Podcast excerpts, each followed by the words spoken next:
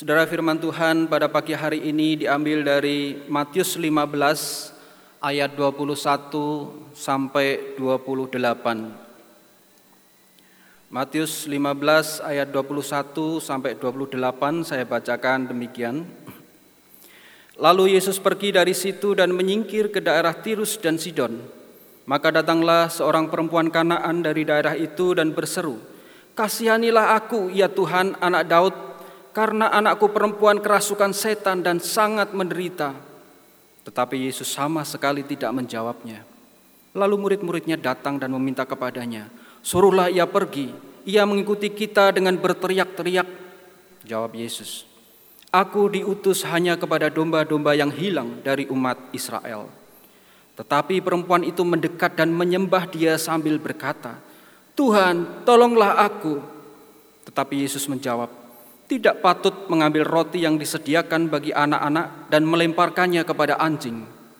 Kata perempuan itu, "Benar Tuhan, namun anjing itu makan remah-remah yang jatuh dari meja tuanya."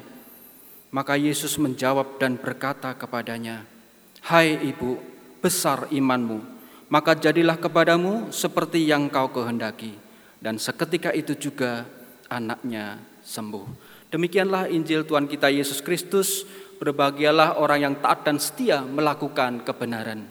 Haleluya. Merdeka. Merdeka. Merdeka. Ya, hari ini adalah ibadah kebangsaan.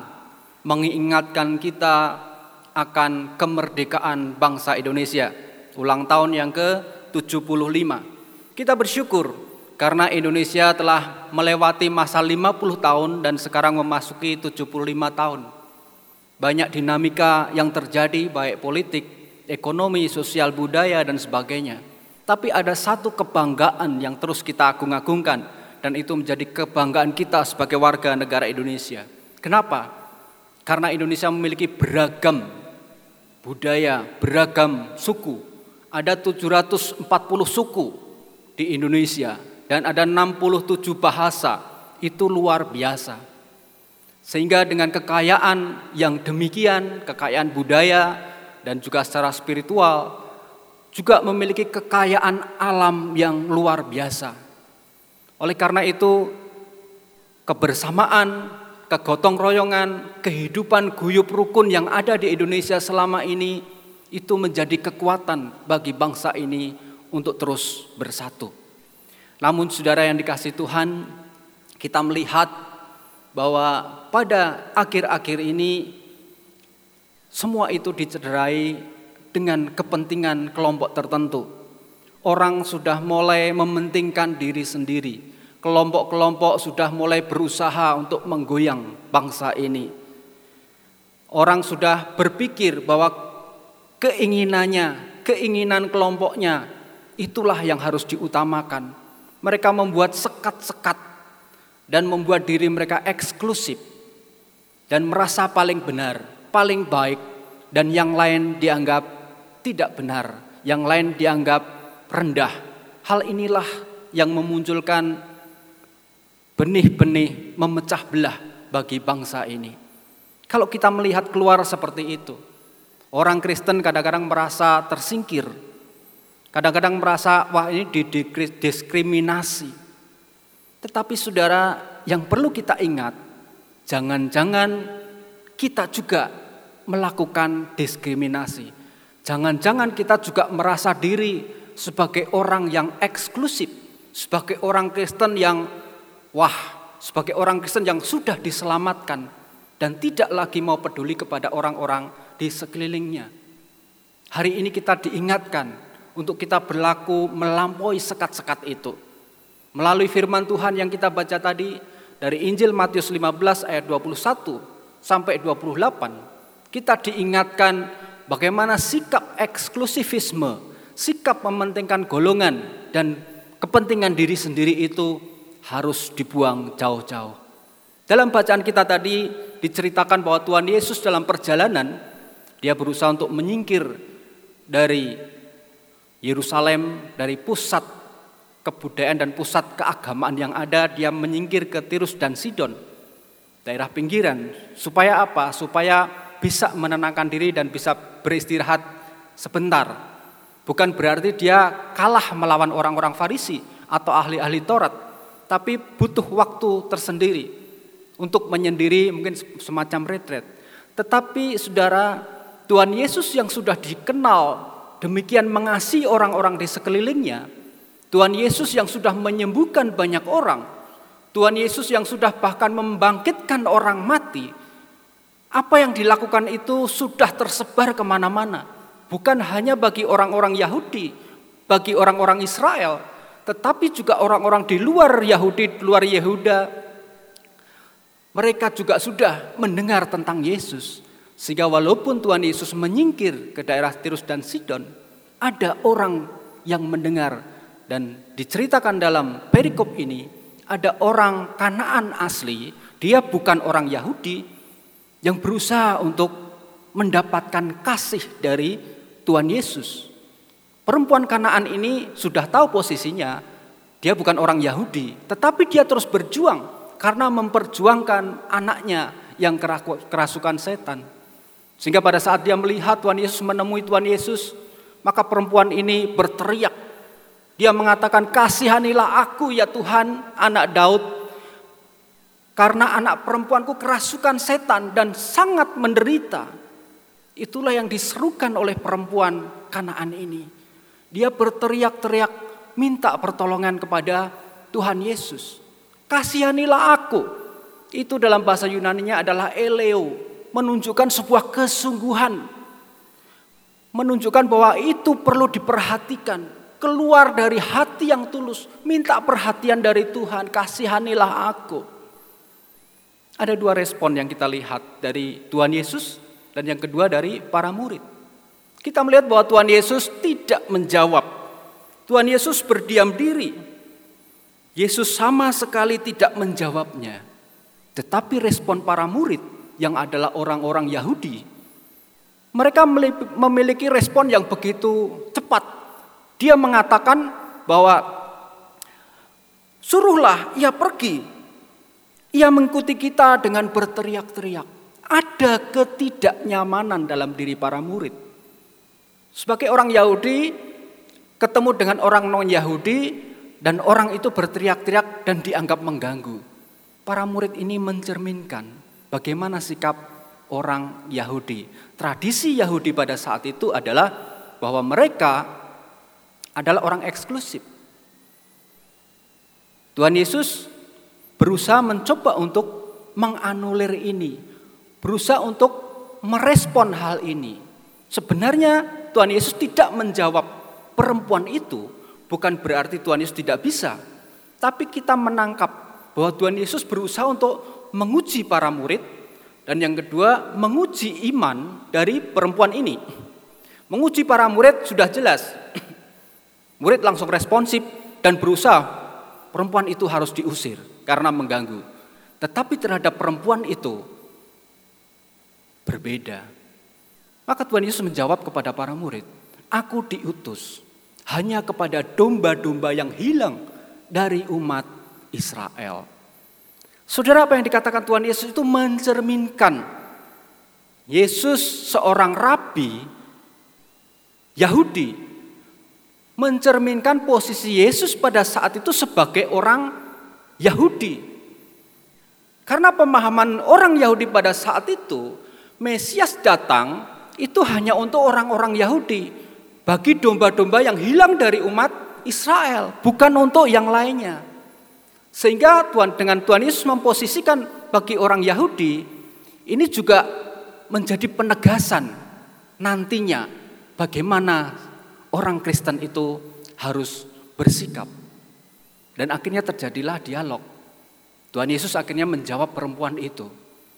Dan dia mengatakan bahwa tidak patut mengambil roti yang disediakan bagi anak-anak dan melemparkannya kepada anjing. Pasti dek gitu. Waduh ini dianjing-anjingkan. Perasaan perempuan ini pasti akan terluka. Dan Tuhan Yesus mengatakan hal itu karena dia memposisikan sebagai orang Yahudi orang yang eksklusif dirinya adalah orang yang angkuh, acuh dan sebagainya, maka pemahaman apa yang dikatakan Tuhan Yesus itu pemahaman orang Yahudi yang dilakukan pada saat itu. Sehingga dia mengatakan tidak patut mengambil roti yang disediakan bagi anak-anak dan melemparkannya kepada anjing. Maka sikap Yesus itu menjadi semacam tanda bagi kita yang memahami hal ini. Saudara orang Yahudi saya katakan tadi merasa angkuh, merasa dirinya super yang disebut juga sebagai chauvinisme, sikap yang merendahkan orang lain. Bangsa lain sebagai bangsa yang rendah, sementara diri mereka menjadi bangsa pilihan Allah. Sehingga karena menjadi bangsa pilihan Allah, maka hak mereka untuk tetap mendapatkan keselamatan di luar mereka tidak akan mendapatkan. Padahal seharusnya sikap bangsa Yahudi sebagai bangsa pilihan itu tidak harus demikian. Karena sebagai bangsa pilihan harusnya menjadi cermin bagi dunia bahwa Allah memilih bangsa Yahudi, bangsa pilihan ini untuk menjadi berkat bagi orang-orang di seluruh dunia. Bagi semua umat, bukan eksklusif dari mereka. Tetapi yang terjadi mereka menolak Tuhan Yesus. Mereka menolak pengajaran Allah sendiri. Sejak mereka diselamatkan dari Mesir, dari pembuangan mereka menuju ke tanah Kanaan. Pada saat mereka memiliki raja, Raja Saul, Daud, Salomo dan sebagainya sehingga mereka pecah dan mereka tetap menolak Tuhan. Akhirnya mereka dibuang. Dibuang ke Babel dan sebelumnya ke Asyur. Tapi itu tidak membuat mereka bertobat. Ada yang sebagian bertobat dan mereka balik lagi ke Yerusalem. Tetapi banyak yang tidak mau mengakui Yesus sebagai Mesias seperti yang terjadi saat itu. Mereka bersikap bahwa mereka adalah bangsa pilihan. Sehingga pada saat ini dalam perikop ini kita melihat bahwa Injil Matius yang ditulis pada saat itu itu ingin membuka mata orang-orang Yahudi. Saudara, Injil Matius ini memang ditulis ditujukan bagi orang-orang Yahudi. Kalau Injil Markus itu bagi orang-orang yang ada di Roma karena ditulis di Roma. Tapi Injil Matius memang ditujukan kepada orang-orang Yahudi. Jadi dari sini Matius, Injil Matius ini, ini ingin menjelaskan, memperjelas sikap yang sebenarnya terhadap kasih Allah itu. Dan di sini Tuhan Yesus juga memerankan diri sebagai orang Yahudi, sikapnya seperti itu. Padahal harusnya tidak demikian. Karena Mesias itu untuk semua bangsa. Dalam kenyataannya orang Yahudi tidak demikian. Pada saat Yesus memposisikan sebagai orang Yahudi, maka yang kita tangkap adalah apa? Kok angkuh, kok sombong. Tuhan Yesus Kok menjadi seperti itu? Kalau kita memahami teks ini, maka rasanya ini kok seperti bukan Tuhan Yesus ya, yang sebelumnya penuh kasih, sabar, menolong orang. Tapi kak dalam posisi saat itu tidak demikian. Waktu menghadapi perempuan Kanaan non Yahudi ini kok sikapnya berbeda. Kok sepertinya tidak peduli. Tapi itulah orang Yahudi pada saat itu. Sikap orang Yahudi menghadapi orang non Yahudi. Maka perempuan ini pun tidak tinggal diam. Walaupun dianjing-anjingkan, walaupun direndah-rendahkan, dan dia tahu posisinya, maka perempuan ini tidak surut. Dia tetap mendekati Tuhan, datang kepada Tuhan Yesus dan dia menyembah Tuhan. Benar Tuhan, namun anak, namun anjing itu makan remah-remah yang jatuh dari meja tuannya. Perempuan Kanaan ini tahu tradisi orang Yahudi. Kalau mereka makan makanan besar biasanya mereka kan pakai roti. Kemudian biasanya roti yang panjang itu dijual, kemudian dicelupkan ke kuah atau lain kemudian dimakan. Nah kadang-kadang tangannya kan penuh penuh dengan apa ya kuah atau yang lain-lain itu kadang-kadang untuk membersihkannya juga pakai roti ya yang sisa roti kemudian dibuang dan itu dimakan oleh anjing-anjing yang berada di bawah di bawah meja. Dan kita melihat bahwa perempuan ini mengakui keberadaannya. Perempuan ini jujur. Dia menerima apa yang dilakukan Tuhan terhadap dia. Kejujuran perempuan ini patut dicontoh Sulit orang melakukan kejujuran seperti itu. Tapi demi anaknya, maka perempuan itu bisa melakukan hal ini. Saudara kalau orang non-Yahudi saja dalam posisi seperti itu, orang non-Yahudi saja bisa berlaku jujur memiliki integritas yang baik. Apalagi orang Yahudi seharusnya. Bagi kita orang-orang Kristen yang sudah percaya kepada Tuhan Yesus dan diberikan kuasa menjadi anak-anak Allah, bahkan diberikan keselamatan, maka harus memiliki karakter yang jujur. Itu sudah sebagai identitas. Oh, kalau orang Kristen itu memang orangnya jujur. Harusnya seperti itu. Sehingga kejujuran inilah dan integritas itu yang harus kita miliki. Nah mungkin kalau saat ini kita sudah ibadah onsite, sudah dua minggu ini kita ibadah onsite. Maka saat kita mendaftar untuk mengikuti ibadah onsite kan itu ada syarat-syaratnya. Tadi sudah ditayangkan syarat-syaratnya oleh pendeta seperti ini. Nah kadang-kadang karena ada kerinduan yang begitu besar. Wah ini umurku ini sudah loro dan umur saya 62. Saya itu udah rindu banget pengen pergi ke gereja. Ya wis lah pas ngisi form itu ditulis usia 58. Demikian pula kita baru pulang dari Surabaya, Sabtu pulang dan daftar. Sayang kalau tidak. Dari jauh padahal di situ sudah dipersyaratkan apa? Untuk keamanan kita semua. Tapi kerinduan kita akhirnya kita memanipulasi data. Tentu kita sebagai anak-anak Tuhan tidak akan melakukan hal seperti itu. Karena kejujuran itu menjadi sifat orang-orang Kristen. Dan itulah yang terjadi dengan perempuan tadi juga. Dia memiliki kejujuran. Perempuan itu tahu posisinya. Dan akhirnya dia mendapatkan apa yang dia kehendaki.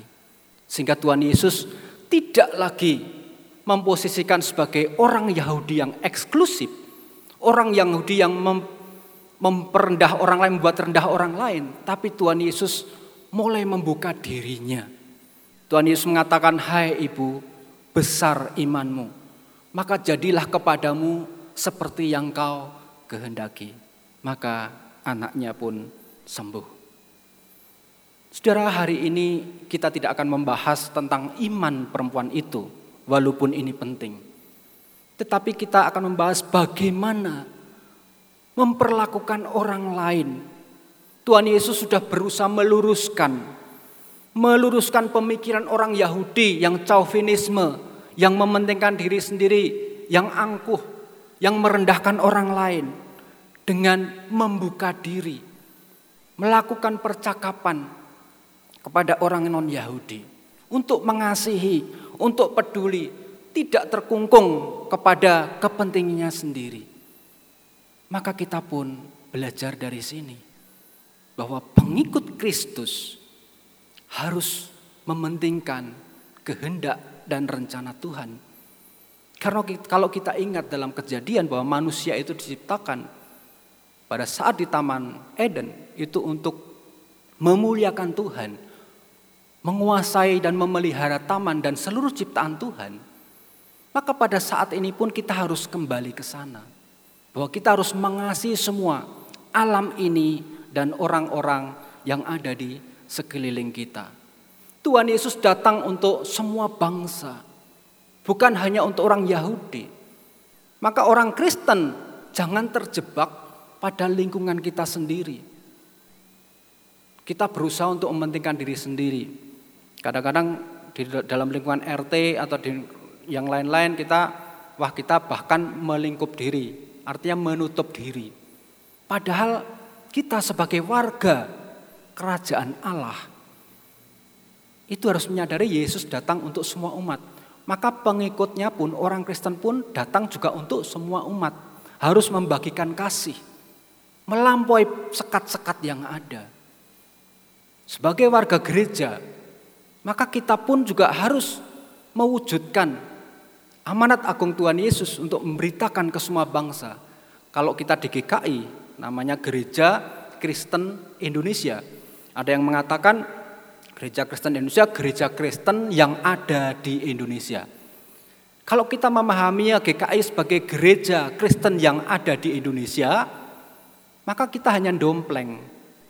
Kita orang Kristen yang dompleng di Indonesia. Dan pada akhirnya kita eksklusif. Kamu bukan Kristen, oh beda. Tetapi kalau kita memahami GKI sebagai gereja Kristen Indonesia, maka kitalah Indonesia itu. Tidak ada sekat-sekat lagi. Karena kita apa? Kita gereja Kristen Indonesia untuk semua umat. Tidak ada lagi sekat-sekat, tidak ada lagi pembedaan-pembedaan. Oleh karena itu, sikap kita adalah terbuka. Berbagi kasih kepada orang di sekeliling kita. Kita diingatkan dalam Yeremia 29 ayat 7. Nats ini ditujukan kepada orang-orang Yahudi yang ada di pembuangan karena mereka tidak berusaha untuk membangun kesejahteraan kota sehingga dikatakan dalam Yeremia 29 ayat 7, usahakanlah kesejahteraan kota di mana kamu dibuang dan berdoalah untuk kota itu. Kalau GKI adalah gereja Kristen Indonesia, maka kita harus mengusahakan kesejahteraan bangsa Indonesia itu. Dengan cara yang kita lakukan sesuai firman Tuhan.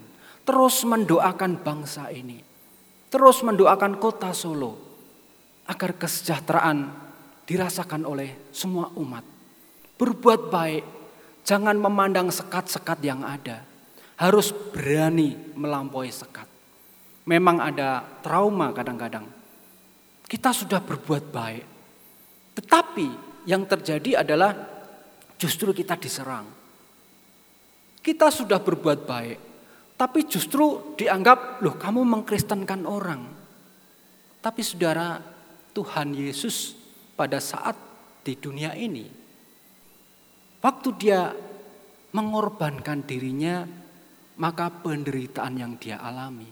Maka sebagai pengikut Kristus, kalau berbuat baik, berbuat benar, sampai kemudian harus menderita, penderitaan kita tidak ada apa-apanya dengan penderitaan Kristus. Memang itulah salib yang harus kita pikul. Menjadi berkat bagi orang lain memang sulit. Tetapi kita tetap harus melakukan kebaikan untuk semua orang. Kita bersyukur dari gereja sendiri sudah berusaha untuk melakukan aksi itu melalui gerakan aksi coyudan berbagi kasih atau cobek ya disingkat cobek maka GKI Coyudan sebenarnya sudah berusaha untuk berbagi kasih kepada orang-orang yang terkena dampak pandemi. Mewujudkan kepedulian melampaui sekat itu. Dan itulah yang seharusnya dilakukan. Gerakan ini yang awalnya untuk oke okay, untuk jemaat-jemaat di sekeliling kita yang terkena dampak siapa? Akhirnya melebar sampai akhirnya keluar pulau, bahkan ke sampai ke NTT kita bantu. Dan dari data yang kita rekap saat ini, bantuan untuk jemaat itu hanya sekitar 15 sampai 20 persen, tidak sampai 20 persen. Yang 80 persen bantuan atau wujud kepedulian kita itu diberikan kepada orang-orang di luar jemaat. Kita bersyukur bisa diberikan tanggung jawab oleh Tuhan untuk menjadi berkat bagi orang-orang yang membutuhkan. Dan bersyukur karena hari ini sudah selesai.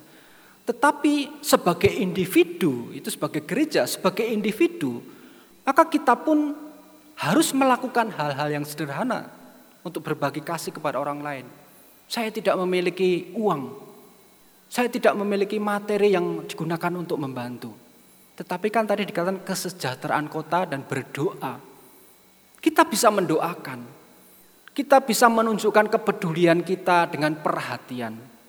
Seseorang yang kesepian waktu dia didekati, diajak ngobrol, ada komunikasi, membuka diri, maka dia akan merasakan, wah, nyes. Kenapa? Ada terang Tuhan dalam kehidupan kita. Kita adalah garam bagi orang-orang yang tidak mengenal Kristus, maka kita seharusnya memberikan pengaruh yang baik. Itulah yang harus kita lakukan. Jangan hanya berkutat pada gereja kita. Seringkali pada saat retret, wah ada retret dua tahun atau tiga tahun lalu ada retret jemaat. Wah rasanya dikali orang ya, rasanya itu senang. Kenapa? Di situ kita makan terjamin. Kita bisa memuji Tuhan, saling sharing, mendengar firman Tuhan. Wah ini kok sudah tiga hari besok pulang. Rasanya itu kok cepat men yo balik. Besok harus aktivitas kerja. Rasanya seperti sudah di surga. Karena apa? Lingkungan kita, lingkungan kita sendiri rasanya nyaman. Tetapi kita diutus oleh Tuhan untuk pergi dari lingkungan kita sendiri. Tuhan Yesus sendiri kisah 1 ayat 8, kisah para rasul 1 ayat 8 mengatakan kepada para murid, Aku akan memberikan kamu kuasa dan kamu akan menjadi saksiku di Yerusalem, Yudea, Samaria sampai ke ujung bumi, ke ujung dunia. Artinya apa? Artinya kita jangan hanya berkutat di gereja kita sendiri, tapi kita harus keluar. Sebagai individu, kita jangan hanya mementingkan keluarga kita atau atau kelompok kita, tapi kita harus beraksi keluar. Sebagai orang yang ditebus, kita harus berani untuk menebar kasih, melampaui batas, walau harus berkorban. Itulah kekristenan, itulah kita. Terlebih sebagai bangsa Indonesia, kita ingin agar bangsa ini terus maju. Maka itu bisa dimulai dari diri kita, membangun keluarga kita, membangun lingkungan kita untuk saling peduli bagi kepentingan bangsa dan negara. Selamat menebar kasih melampaui sekat dan kiranya Tuhan menolong kita roh kudus menyertai dan membimbing kita. Tuhan memberkati. Amin.